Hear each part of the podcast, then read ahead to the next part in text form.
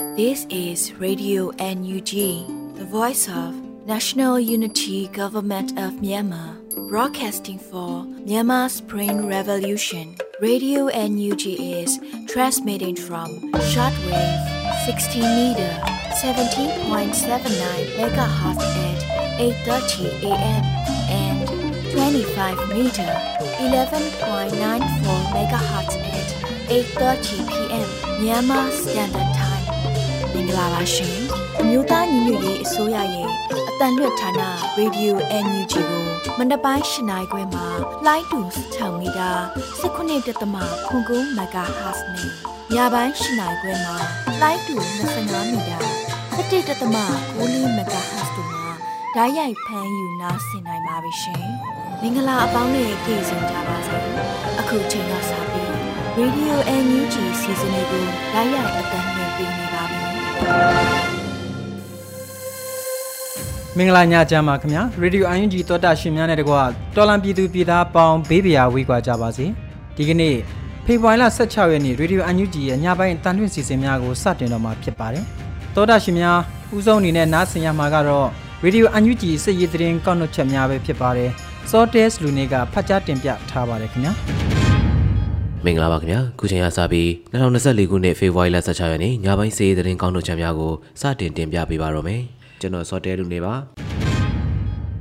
ပထမအဆုံးအနေနဲ့ရခိုင်တပ်တော် AA ကမြေပုံမျိုးကိုသိမ်းပိုက်ထိန်ချုပ်ရသေးတောင်မောင်တော်နဲ့ရံပြဲမျိုးတို့မှာတိုက်ပွဲများပြင်းထန်နေတဲ့သတင်းကိုတင်ပြပေးသွားမှာဖြစ်ပါတယ်ရခိုင်ပြည်နယ်မြေပုံမြို့မှာရှိတဲ့စစ်တပ်နဲ့ရဲစခန်းတွေအားလုံးကိုတိုက်ခိုက်သိမ်းပိုက်ထားပြီးရသေးတောင်မောင်တော်နဲ့ရံပြဲမြို့ပေါ်မှာတိုက်ပွဲတွေပြင်းထန်နေတယ်လို့ရခိုင်တပ်တော် AA ကထုတ်ပြန်ကြေညာလိုက်ပါတယ် ရခိုင်ပြည်နယ်နဲ့ချင်းပြည်နယ်တွေကပလက်ဝမြို့နယ်မှာရှိတဲ့စစ်ကောင်စီစခန်းတွေကိုရခိုင်တပ်တော် AA ကထိုးစစ်ဆင်တိုက်ခိုက်ခဲ့ရမှာ၃လတာစီးရီအတွင်းပလက်ဝပေါက်တော်ကြောက်တော်မင်းပြမြောက်ဦးမြေပုံမြို့ပေါ်ကစစ်ဘက်ရဲဘက်တပ်စခန်းတွေကိုသိမ်းပိုက်ရယူနိုင်ခဲ့ခြင်းဖြစ်တယ်လို့ AA ကပြောကြားထားပါတယ်။ AA ဟာဇန်နဝါရီလ14ရက်နေ့မှာပလက်ဝမြို့ဖေဖော်ဝါရီလပထမပတ်ထဲမှာပေါတော်မင်းပြမြောက်ဦးနဲ့ကြောက်တော်မြို့များကိုသိမ်းပိုက်နိုင်ခဲ့ပြီးယခုဖေဖော်ဝါရီလလယ်မှာမြေပုံမြို့ကိုထပ်မံသိမ်းပိုက်နိုင်ခဲ့တာဖြစ်တယ်လို့အသိပေးလာတာဖြစ်ပါတယ်။ ဒါကြောင့်လက်ရှိမှာရခိုင်တပ်တော် AA ဟာပလောဝမြို့နယ်တစ်ခုလုံးနဲ့ရခိုင်ပြည်နယ်ကမြို့နယ်6ခုကိုတိုက်ခိုက်သိမ်းပိုက်နိုင်ခဲ့ပြီဖြစ်ပါတယ်။လက်တလုံးမှာလည်းရခိုင်ပြည်နယ်တစ်ခုလုံးဒီပါမှာရခိုင်တပ်တော်နဲ့စစ်ကောင်စီတပ်တွေကြားတိုက်ပွဲတွေပြင်းထန်နေပြီးရန်ပြဲကျွန်းပေါ်မှာတော့တိုက်ပွဲတွေခက်ဆစ်ဆစ်ဖြစ်နေတယ်လို့ညီနောင်သုံးဘက်ရဲ့စီးရီးသတင်းထုတ်ပြန်ချက်မှာဖော်ပြထားပါတယ်။စစ်ကောင်စီကလည်းကြီးရည်လေးပူပေါင်းပြီးခုခံစစ်ဆင်နွှဲနေတာကြောင့်ဖေဖော်ဝါရီလ14ရက်ကစပြီးရန်ပြဲရသေးတောင်နဲ့မောင်တော်မြို့တွေမှာတိုက်ပွဲတွေပြင်းထန်နေတယ်လို့အသိပေးထားပါတယ်။ စစ်ကောင်စီဟာစစ်ပွဲအရှုံးများကြောင်းတော်၎င်းလူမျိုးရေးအမုန်းတရားများကိုအခြေခံ၍တော်၎င်းသွေးပြတ်ကြောက်လန့်နေ၍၎င်းလက်နက်ကြီးတွေနဲ့မြို့ရွာများကိုဥတီတိုက်ခိုက်နေတယ်လို့ AA ကဆိုထားပါတယ်။ရမ်းမြဲမြို့ဟာစစ်ကောင်စီရဲ့လေကြောင်းရေကြောင်းလက်နက်ကြီးပစ်ခတ်တိုက်ခိုက်ခံရမှုအများဆုံးမြို့ဖြစ်တယ်လို့လည်းသိရှိရပါတယ်။စစ်ကောင်စီဟာဖေဖော်ဝါရီလ14ရက်နေ့ကစပြီးရသေးတောင်မြို့နယ်ပတ်ဝန်းကျင်နဲ့ အနီးနားကကြေးရွာတွေကိုလေကြောင်းရေကြောင်းသားမကလက်နက်ကြီးတွေနဲ့ပါပစ်ခတ်တိုက်ခိုက်နေတာကြောင့်ရသေးတော်မျိုးဟာစစ်ကောင်စီရဲ့ဒုတိယမြောက်ပြစ်မှတ်ထားခြင်းခံရတဲ့မြို့တစ်မျိုးဖြစ်လာတယ်လို့ညီနောင်မဟာမိတ်သုံးဘက်ကထုတ်ပြန်ထားပါတယ်။ဒါအပြင်အေးထိန်းချုပ်ထားရပလောဝမြို့နယ်အတွင်းသို့လည်းစစ်ကောင်စီကလေကြောင်းတိုက်ခိုက်မှုတွေထပ်မံပြုလုပ်လာတယ်လို့လည်းအသိပေးထားပါသေးတယ်။အလားတူရခိုင်ပြည်နယ်မောင်တော်မြို့နယ်ဘော်ဒီကုန်းကျေးရွာအနီးရန်သူရဲ့ဘော်ဒီကုန်းစခန်းအားအပိသက်သိမ်းမှတ်ရရှိရတဲ့အတွက်ထိုးစစ်အရင်ကိုမြင့်တင်နေတယ်လို့ရခိုင်တပ်မတော်ကအသိပေးလာပါတယ် 2024ခုနှစ်ဖေဖော်ဝါရီလ15ရက်နေ့မှာရခိုင်ပြည်မောင်တော်မြို့နယ်ဘော်ဒီကုန်းကျေးရွာ၏အနောက်မြောက်ဘက်မီတာ200ခန့်အကွာတွင်ရှိသောဘော်ဒီကုန်းစခန်းကိုနနက်6နာရီမိနစ်20ချိန်မှစ၍ရခိုင်တပ်တော်မှထိုးစစ်ဆင်တိုက်ခတ်လျက်ရှိတယ်လို့အတည်ပြုဆိုထားပါတယ်။ရန်သူရဲ့စစ်ကောင်စီတပ်ဟာအဆိုပါစခန်းမကျစေရေးအတွက်ကြီးရည်လေးပူပေါင်း၍အပြင်းထန်ခုခံလျက်ရှိပြီးလက်ရှိအချိန်မှာရန်သူ၏ဘော်ဒီကုန်းစခန်းဟာအပိသက်သိမ့်ပတ်ရရှိရေးအတွက်ထိုးစစ်ရှိန်ကိုမြင့်တင်ပြီးတိုက်ခတ်လျက်ရှိတယ်လို့ဆိုထားပါတယ်။ ဒါအပြင်ရသေးတော်မြို့နယ်မှာရခိုင်တပ်တော်နဲ့စစ်ကောင်စီတို့အကြားတိုက်ပွဲများစတင်ဖြစ်ပွားလျက်ရှိပါတယ်။ရခိုင်တပ်မတော်အနေနဲ့ရခိုင်ဒေသအတွင်းလက်ကျန်မြို့များမှာစစ်ကောင်စီ၏စစ်ဘက်ရဲဘက်တပ်စခန်းများကိုတခုမှမကြံစေရဆိုတဲ့စစ်ရေးရည်မှန်းချက်အတိုင်းရခိုင်တပ်တော်မှဗျူဟာမြောက်စွာထိုးစစ်ဆင်တိုက်ခိုက်လျက်ရှိတယ်လို့လည်းဆိုထားကြောင်းသိရှိရပါတယ်ခင်ဗျာ။ဆက်လက်တင်ပြပေးမှာကတော့စီဆိုင်တိုက်ပွဲမှာစစ်ကောင်စီတပ်ဖွဲ့နဲ့ပြည်သူ့စစ်များထံမှမူရည်စေဝါနဲ့ခဲယမ်းချုပ်သိမ်းဆည်းရရှိဟု PNL ပြောကြားလိုက်တဲ့သတင်းပဲဖြစ်ပါတယ် ရှမ်းပြည်နယ်တောင်ပိုင်းစီဆိုင်မြို့မှာဖေဖော်ဝါရီလ15ရက်နေ့ကဖြစ်ပွားခဲ့တဲ့တိုက်ပွဲအတွင်းစစ်ကောင်စီတပ်ဖွဲ့နဲ့၎င်းတို့လက်အောက်ခံပြည်သူ့စစ်အဖွဲ့ဝင်2ဦးထပ်မံနဲ့တိုက်ဆုံခဲ့ရပြီးမူရစေဝါနဲ့ခရံအချို့တိတ်ဆက်ရရှိခဲ့တယ်လို့ပအိုးမျိုးသားလူမျိုးရေးတပ်မတော် PNL ကပြောကြားခဲ့ပါတယ်။ပအိုးမျိုးသားလူမျိုးရေးတပ်မတော် PNL လုံခြုံရေးစစ်ကြောင်းကိုစစ်ကောင်စီနဲ့အပေါင်းပါတွေက6မြောက်ပစ်ခတ်ခဲ့တာကြောင့်တိုက်ပွဲဖြစ်ပွားခဲ့တာဖြစ်ပါတယ်။စစ်ကောင်စီနဲ့၎င်းတို့လက်အောက်ခံပြည်သူ့စစ်အဖွဲ့ကစီဆိုင်မြို့မြောက်ဘက်တနေရာမှာပအိုးမျိုးသားလူမျိုးရေးတပ်မတော် PNL ကိုလာရောက်6မြောက်ပစ်ခတ်ခဲ့တာလို့ဆိုထားပါတယ်။ အဆိုပါတိုက်ပွဲမှာစစ်ကောင်စီနဲ့အပေါင်းအပါတွေဘက်ကနှစ်ဦးထပ်မံနဲ့တိုက်ဆုံခဲ့တာဖြစ်ပြီးမူရစေဝါတွေနဲ့ခရမျိုးစုံသိမ်းဆက်ရရှိခဲ့တာလို့ PNL ကအတည်ပြုထားပါတယ်။ PNL ကဇန်နဝါရီလကုန်ပိုင်းကစပြီးစီဆိုင်မြို့ကိုထိန်းချုပ်ခဲ့ရမှာစစ်ကောင်စီနဲ့လက်အောက်ခံပြည်သူစစ်တွေကမြို့ကိုပြန်လည်ရရှိဖို့ထိုးစစ်ဆင်တိုက်ခိုက်နေတာကြောင့်တိုက်ပွဲတွေမကြာခဏပြန်လည်ဖြစ်ပွားလိမ့်ရှိတယ်လို့လည်းသိရှိရပါတယ်ခင်ဗျာ။ချင်းရမြေကြောင်တိုင်းရိတ်ခါပို့လာတဲ့စစ်ရေးရင်ကိုတိုက်ခိုက်မှုမှာစစ်ကောင်စီအရာရှိတအူးပါဝင်များစွာတင်ရရသွားတဲ့တဲ့ရင်ကိုတင်ပြပေးသွားပါဦးမယ်။ စကိုင်းတိုင်းစလင်းကြီးမြို့နယ်အတွင်းမှာချင်းတွင်းမြေကြောင်အတိုင်းရိတ်ခါလာပို့တဲ့စစ်ရေးရင်ကိုတိုက်ခိုက်ခဲ့ရမှာစစ်တပ်အရာရှိအပါအဝင်များစွာဒဏ်ရာရရှိသွားတယ်လို့ Riot Tiger Force မုံရခရိုင်တပ်ရင်းစနစ်လျက်စီးတပ်ခွဲကအသိပေးထားပါတယ်။စင်ပြူရှင်တရားကနေကန်ကြီးကုန်းပြူဝဘက်ကပြူစောတိစခန်းကိုရိတ်ခါလာပို့တဲ့စစ်ကောင်စီတပ်ဖွဲ့ဖလက်ရေးရင်ကိုဖေဖော်ဝါရီလ15ရက်နေ့မွန်းတဲ့7နာရီချိန်ခန့်မှာတိုက်ခိုက်ခဲ့တာဖြစ်တယ်လို့သိရှိရပါတယ် အဆိုပါစစ်တပ်ဖလက်ခွန်ရေးရင်ဟာကန်ကြီးကုန်းပြူရွာအနီးသို့ရောက်ရှိလာချိန်မှာပြည်သူ့ကာကွယ်ရေးပူးပေါင်းအဖွဲ့ကလက်နက်ကြီးလက်နက်ငယ်တွေနဲ့ပစ်ခတ်ခဲ့တာကြောင့်သုံးဘွဲ့စစ်ဗိုလ်တအုပ်မေယိုကွဲသွားပြီးအခြားစစ်ကောင်စီတပ်ဖွဲ့ဝင်များလည်းဒဏ်ရာရသွားတယ်လို့ Riot Tiger Force ကပြောကြားခဲ့ပါတယ်။အဆိုပါတိုက်ခိုက်မှုကို Riot Tiger Force ပြောကြားတပ်ဖွဲ့နဲ့အတူမုံရခရိုင်တရဲစနစ်လျက်စီးတပ်ခွဲတို့ပူးပေါင်းလှုပ်ဆောင်ခဲ့တာဖြစ်ပါတယ်။ အဆိုပါစစ်ရေးရင်ဟာကံကြီးကုန်းပြူဟာမှာရိတ်ခါချခဲ့ပြီးနောက်အမြင့်ရဲစခန်းမှာစိုက်ကက်ကစစ်ကောက်စီတပ်ဖွဲ့နဲ့ပြူစောတိတွေကိုတင်ဆောင်ပြီးမုံရမျိုးဘက်ပြန်လည်ထွက်လာချိန်မှာလည်းပြည်သူ့ကာကွယ်ရေးတပ်ဖွဲ့တွေကထပ်မံတိုက်ခိုက်ခဲ့တယ်လို့သိရှိရပါတယ်ခင်ဗျာတက်လက်တင်ပြပေးမှာကတော့မရီယာမြို့နယ်စုပေါင်းကျွန်းရွာရောက်ရှိနေတဲ့စစ်ကောင်စီတပ်များပြည်သူပိုင်နေအိမ်များကိုမိရှို့သွားတဲ့တဲ့ရင်ပဲဖြစ်ပါတယ်။မရီယာမြို့နယ်စုပေါင်းကျွန်းရွာရောက်ရှိနေတဲ့စစ်ကောင်စီတပ်များဟာ ရွာတော်တင်းကားကျွန်းပေါ်ရှိပြည်သူပိုင်နေအိမ်များကိုနေလျာခွဲ၍မိရှို့ခဲ့တယ်လို့ဖေဖော်ဝါရီလ16ရက်နေ့မှာ Wildlife Information Network ကအသိပေးဆိုထားပါတယ်။မက်ဒီယာမြို့နယ်စူပေါင်းကျွန်းရွာရောက်ရှိနေတဲ့စစ်ကောင်စီတပ်များဟာတောင်ကျွန်းရွာဘက်သို့ရောက်ရှိသွားပြီးရွာတောင်တင်းကားကျွန်းပေါ်ရှိပြည်သူပိုင်နေအိမ်များကိုလေးနေရာခွဲ၍မိရှို့ခဲ့ပါတယ်လို့ဆိုထားပါတယ်။အကြံဖက်စစ်ကောင်စီတပ်များဟာနေမြို့များမှာဘာသာရေးစောက်အုံနဲ့ရဲသားနေအိမ်များကိုအကြောင်းမဲ့မိရှို့ဖျက်ဆီးလျက်ရှိကြောင်းသိရှိရပါတယ်ခင်ဗျာ။ ဇလင်းကြီးရှိစက္ကစဘန်ကများထံသို့ပျောက်ကြားရဲဘော်များမှအနီးကဝေရောက်ပစ်ခတ်တိုက်ခတ်ခဲ့ရမှာစစ်ကောင်စီဘက်ကအထိကိများခဲ့တဲ့တဲ့တင်ကိုတင်ပြပေးသွားပါဦးမယ်။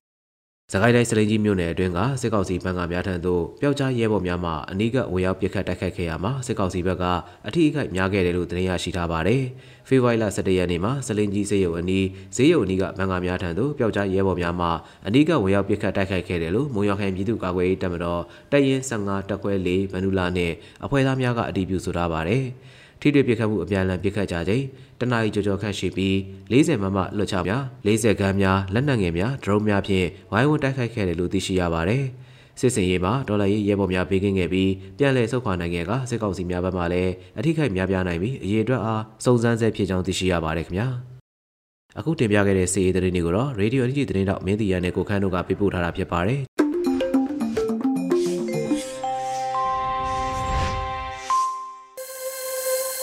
စစ်ရေးသတင်းကောက်နှုတ်ချက်တွေကို Sortes လူနေကတင်ပြခဲ့တာဖြစ်ပါတယ်အခုတခါပြည်တွင်းသတင်းများအစီအစဉ်လှည့်ဖြစ်ပါတယ်နှွေဦးမုံကဖတ်ကြားတင်ပြပါဦးမယ်ခင်ဗျာ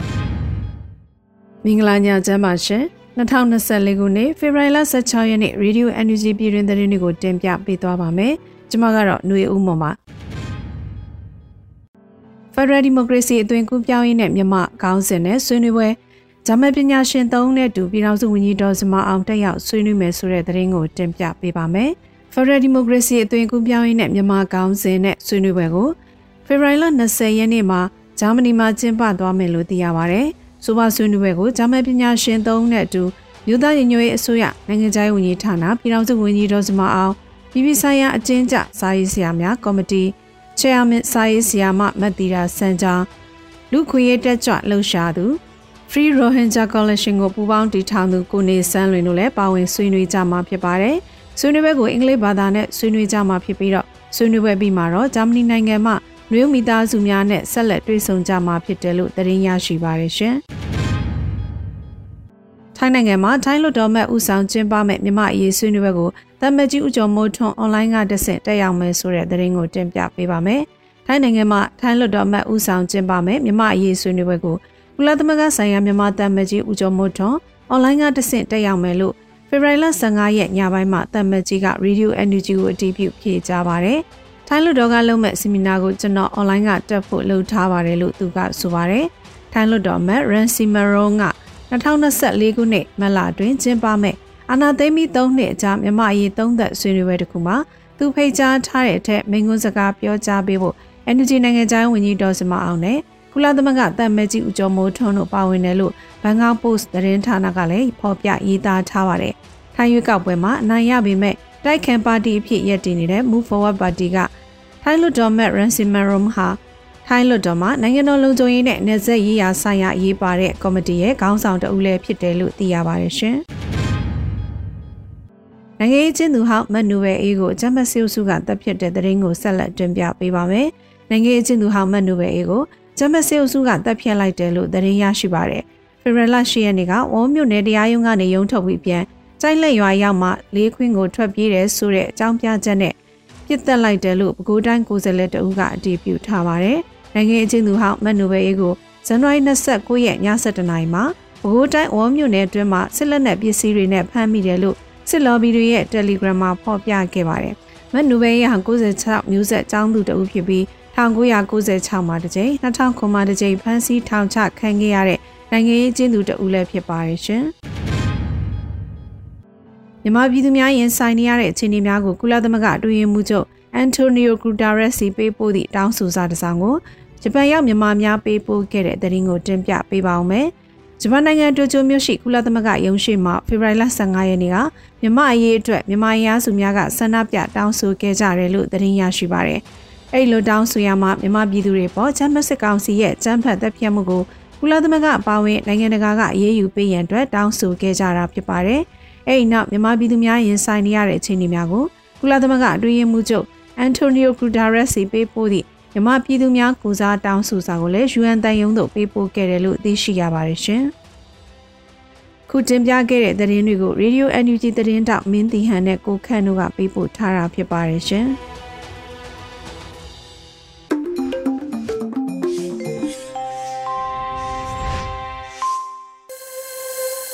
ဖေဖော်ဝါရီလ16ရက်နေ့ Radio UNG ရဲ့ညပိုင်းအတန်လွှင့်စီစဉ်များကိုနားဆင်နေရတာဖြစ်ပါတယ်ခင်ဗျာဆက်လက်ပြီးလှည့်ကြတာကတော့တော်လိုင်းကြီးကဗျာအစီအစဉ်ဖြစ်ပါတယ်မောင်နွေရဲ့မြမမီယထာ CDM ရဲ့လက်ရတဲ့ပုတ်ဖြစ်တဲ့တော်လိုင်းကြီးကဗျာရဲ့အမည်ကတော့2023 Diary လို့အမည်ရပါတယ်ခင်ဗျာ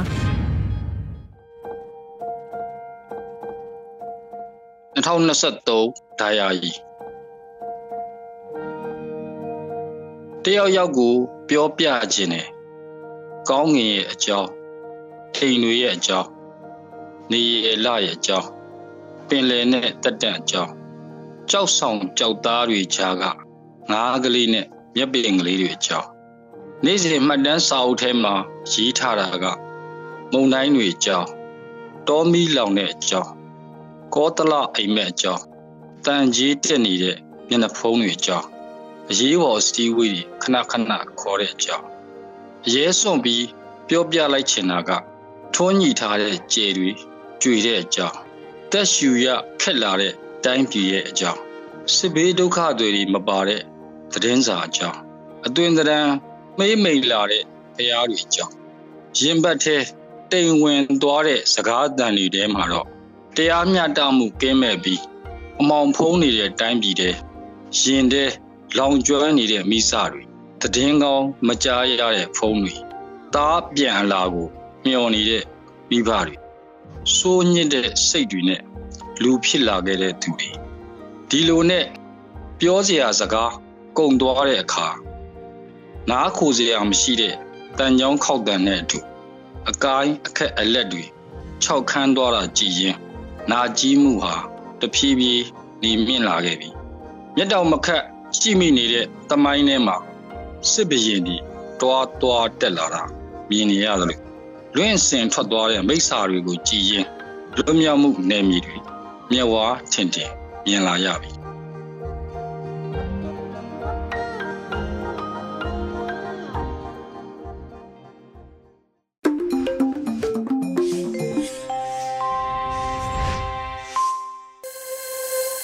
တော်လိုင်းကဗျာကိုနားဆင်ခဲ့ကြတာဖြစ်ပါတယ်အခုတခါအလှည့်ကြတဲ့စီစဉ်ကတော့ Radio UNG မျက်မှောက်ကြီးအင်တာဗျူးအစီအစဉ်ဖြစ်ပါတယ်စစ်ကောင်စီရဲ့စစ်မှုထမ်းဥပဒေနဲ့ပတ်သက်လို့ပြည်သူ့ဘက်တော်သားဗိုလ်ကြီးဟောင်းနေမျိုးစင်ရဲ့သဘောထားအမြင်ကိုရေဒီယိုအန်ယူဂျီဝိုင်းတော်သားမင်းတီဟန်ကမေးမြန်းတင်ဆက်ထားပါတယ်ခင်ဗျာမင်္ဂလာပါခင်ဗျာနော်စမှုထမ်းဥပဒေနဲ့ပတ်သက်ပြီးတော့ဒီဥပဒေကိုစစ်ကောင်စီကဘာကြောင့်ထုတ်ပြန်တယ်လို့အမြင်လေးတီးပြရစေခင်ဗျာလက်ရှိကျလို့စမှုထမ်းဥပဒေကိုကြည်တာကသူ့လူကိုသူအားဖြည့်ဖို့ လုပ်တယ်လို့ထင်တယ်အခုမဘာသာကြီးသူ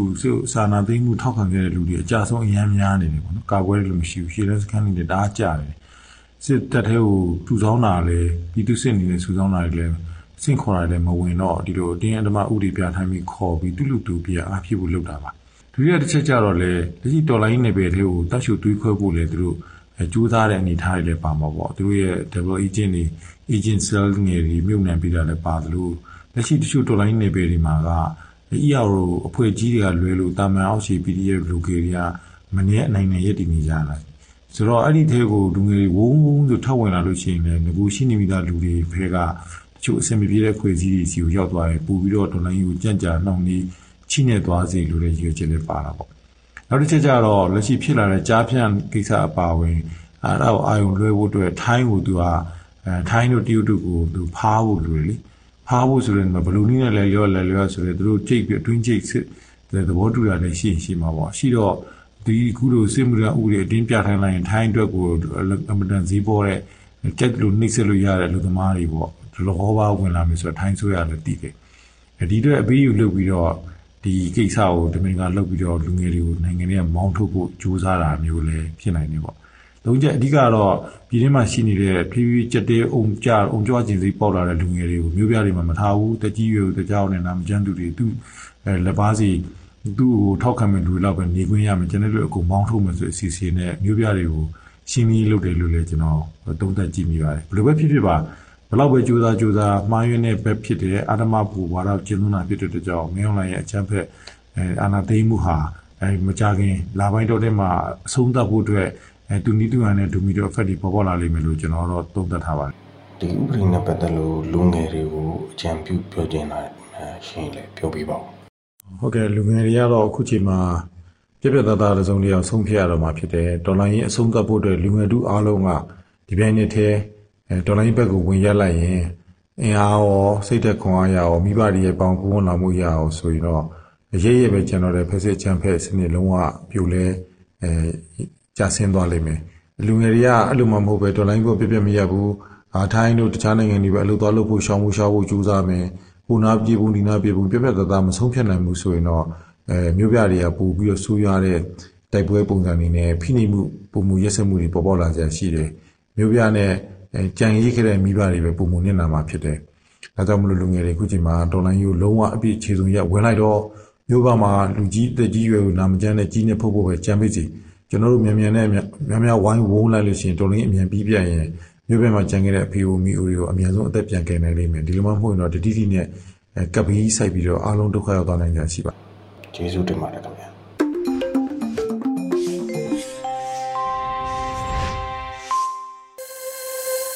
တော်တာရှင်များခင်ဗျာအခုတခါထပ်မံနားဆင်ရမယ့်အစီအစဉ်ကတော့တော်လိုင်းအသိပညာပေးကဏ္ဍပဲဖြစ်ပါတယ် မြေမြုပ်မိုင်းနဲ့တွင်းကြံစစ်လက်နဲ့ပစ္စည်းများအန်ဒီရဲ့တတိပေးခြင်းကိုနားဆင်နိုင်ကြပါပြီခင်ဗျာ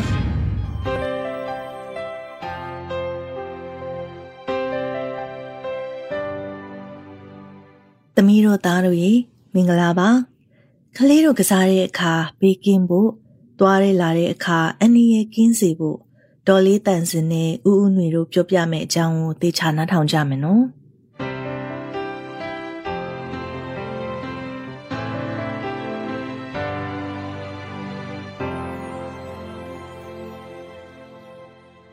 သားတော်သမီးတို့ရေလေရင်ပြန်ဘုံကျဲတာအမြောက်တို့ဒုံးကြီးတို့နဲ့ပြက်တာခတ်တာတို့တော့ကြားဘူးကြတယ်နော်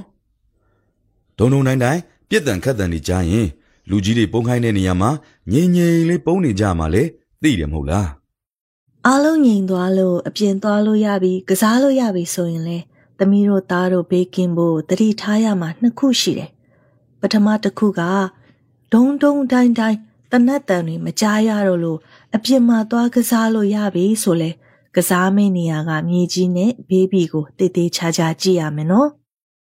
ဘုံဒီလုံးလုံးတွေတို့ငပြောဘူးပုံဒုံကြီးတို့ကြည်စံအစနာတို့တွေ့ရင် လုံးဝကင်မကြည့်ရဘူးယူမလာရဘူးနော်ကင်လိုက်မှပောက်ကွဲတတ်တယ်အသက်သိနိုင်တဲ့အထီတောင်ဖြစ်တယ်လို့တတ်နိုင်သလားဝေးဝေးရှောင်ကြမယ်နော်ပြီးမှလူကြီးတွေကိုဘယ်နာမှတွေးခဲ့တယ်ဆိုတာ သွားပြောပြနော်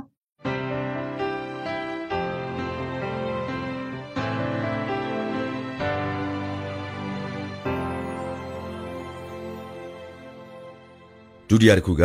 မြေကြီးထဲမြုပ်ထားတဲ့မိုင်းတွေကိုတတိထားရမယ်အဲ့ဒါကိုမြေမြုပ်မိုင်းလို့ခေါ်တယ်မြေမြုပ်မိုင်းတွေကနင်းလိုက်တော့မှထကွဲပြီးလူကိုအနာတရဖြစ်စေတတ်တာမြေမြုပ်မိုင်းမှာအမျိုးအစားနှစ်ခုရှိတယ်တစ်ခုကနင်းမိုင်း အများစုကတန်တို့ပလတ်စတစ်တို့နဲ့လုပ်ထားတဲ့နှုတ်စီဘူးပြပြလို့ဝိုင်းဝိုင်းနဲ့ဘူးလိုပုံစံလေးတွေအရွယ်ကတော့အမျိုးမျိုးရှိတယ်ကွနောက်တစ်ခုလက်လုံမိုင်းဒါဟိုသားတို့သမီးတို့ပို့ပြီးတော့သတိထားရမယ်လက်လုံမိုင်းတွေကအချိုးရည်ပလင်းတို့ဆက်လိပ်ဘူးတို့အိတ်တို့အဲ့လိုမျိုးသမီးတို့သားတို့အိမ်မှာတွေ့နေကြပစ္စည်းတွေလိုပုံစံဖြစ်နေတတ်တာများတယ်။ကန်ကျင်စရာလေးတွေဖြစ်နေတတ်တယ်ဒီတော့လမ်းပေါ်မှာအပြစ်မှာဘာပစ္စည်းပဲတွေ့တွေ့ သွားမဆက်စုဘူးမသိတဲ့ပစ္စည်းဆိုကောက်မကင်ဘူးဟုတ်ပြီနော်။ဒုံကြီးတွေမြေမြုပ်မိုင်းတွေအကြောင်းသိပြီဆိုတော့ဘယ်လိုနေရာတွေကိုမသွားရဘူးလဲဆိုတာဆက်နားထောင်ကြမယ်နော်ပြစ်တာခတ်တာတွေပြီးသွားလို့ခွေးတို့နွားတို့လိုအကောင်လေးတွေလဲနေသေးနေလဲသွားကြိုက်မကြည့်နဲ့နော်အဲ့ဒီလိုနေရာတွေမှာလဲမပေါက်သေးတဲ့ဘုံသီးတွေဒုံကြီးတွေကြီးစံတွေကြက်နေတတ်တယ်။မိလောင်ထားတဲ့အိမ် တိုက်ပွဲဖြစ်ထားတဲ့နေရာစစ်တပ်ကစခန်းချခဲ့တဲ့နေရာစစ်ကားစစ်ပစ္စည်းဂူတော်ပတ်ဝန်းကျင်နဲ့စစ်စည်းရေးဂိတ်တွေနားလဲသွားပြီးတော့မကစားကြနဲ့နော်။နောက်ပြီးတအားတိုင်ကြီးတွေဖုန်းတိုင်ကြီးတွေနားနဲ့တရားတွေနားမှာကစားတာမျိုးပြေးတာမျိုးမလုပ်ရဘူးကွ။အရေးကြီးဆုံးကတော့မိုင်းရှိတယ်ဆိုပြီးအနေရဲ့အချက်ပြထားတဲ့အမှတ်အသားတွေကိုသိထားရမယ်အယိုးကောင်းပုံကြီးရဲ့အောက်မှာ အယိုးနှစ်ချောင်းကိုကြက်ချေခတ်ထားတဲ့ပုံမျိုးပြထားလို့ရှိရင်မိုင်းနေဘုံနေရှိနေတယ်လို့ပြောတာဒီတော့အဲ့ဒီနားကိုလုံးဝမသွားဘူးနော်ဝါးတွေတစ်ကိုင်းနေနဲ့ကာထားမယ်ကြက်ကြည်ကပ်ပုံစံလှုပ်ထားတယ်ဆိုလေအဲ့ဒီတွေကိုလုံးဝဝင်မကြည့်ရဘူးနော်ဒါလေအနေရရှိတဲ့နေရာတွေကိုကာထားတာပြထားတာပဲကွကြောက်ခဲတွေတစ်သားတွေစုပုံထားတဲ့နေရာဆိုလေမိုင်းဘေးရှိနိုင်လို့ဝေးဝေးရှောင်ကြရမယ်နော် သမီးတို့သားတို့ရေကြီးစံတွေဒုံးကြီးတွေမိုင်းတွေနဲ့ထိမိရင်ကလေးတို့ခြေထောက်လေးတွေလက်လေးတွေဒဏ်ရာရနိုင်တယ်ခြေတွေလက်တွေဖြတ်လိုက်ရတာမျိုးဖြစ်နိုင်တယ်သေတဲ့အထိတောင်မှအနေရရှိနိုင်တယ်အဲ့ဒီလိုဖြစ်ရင်သမီးတို့သားတို့စိတ်ကြိုက်ဆော့နိုင်ဖို့မလွယ်တော့ဘူးစားလဲကောင်းကောင်းတင်နိုင်မှာမဟုတ်ဘူးစိတ်ညစ်စရာကြီးဟုတ်တယ်မလားဒီတော့နေ့တိုင်းနေ့တိုင်း သွားလာတဲ့အခါမှာတတိထားပြီးလမ်းကိုကြည့်ပြီးသွားရမယ်ဘေဘီကိုလေ့လာမယ်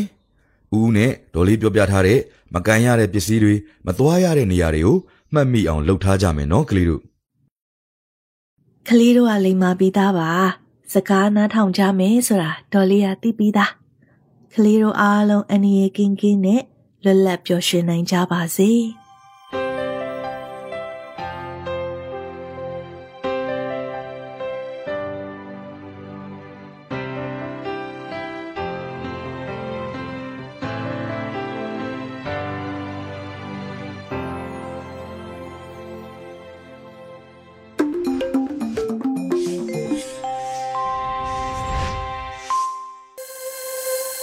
ဗီဒီယိုအန်ယူဂျီမှာညနေပိုင်းတန်လင်းစီစဉ်များကိုဆက်လက်တန်လှည့်နေပါတယ်။အခုတကနောက်ဆုံးအနေနဲ့တော်လိုင်းတေဂီတာစီစဉ်မှာတော့ The Fingers အဖွဲ့ရဲ့တော်လာနုပညာကိုနားဆင်ခံစားရပါတော့မယ်။ No Ta Law လို့အမည်ရပါတယ်ခင်ဗျာ။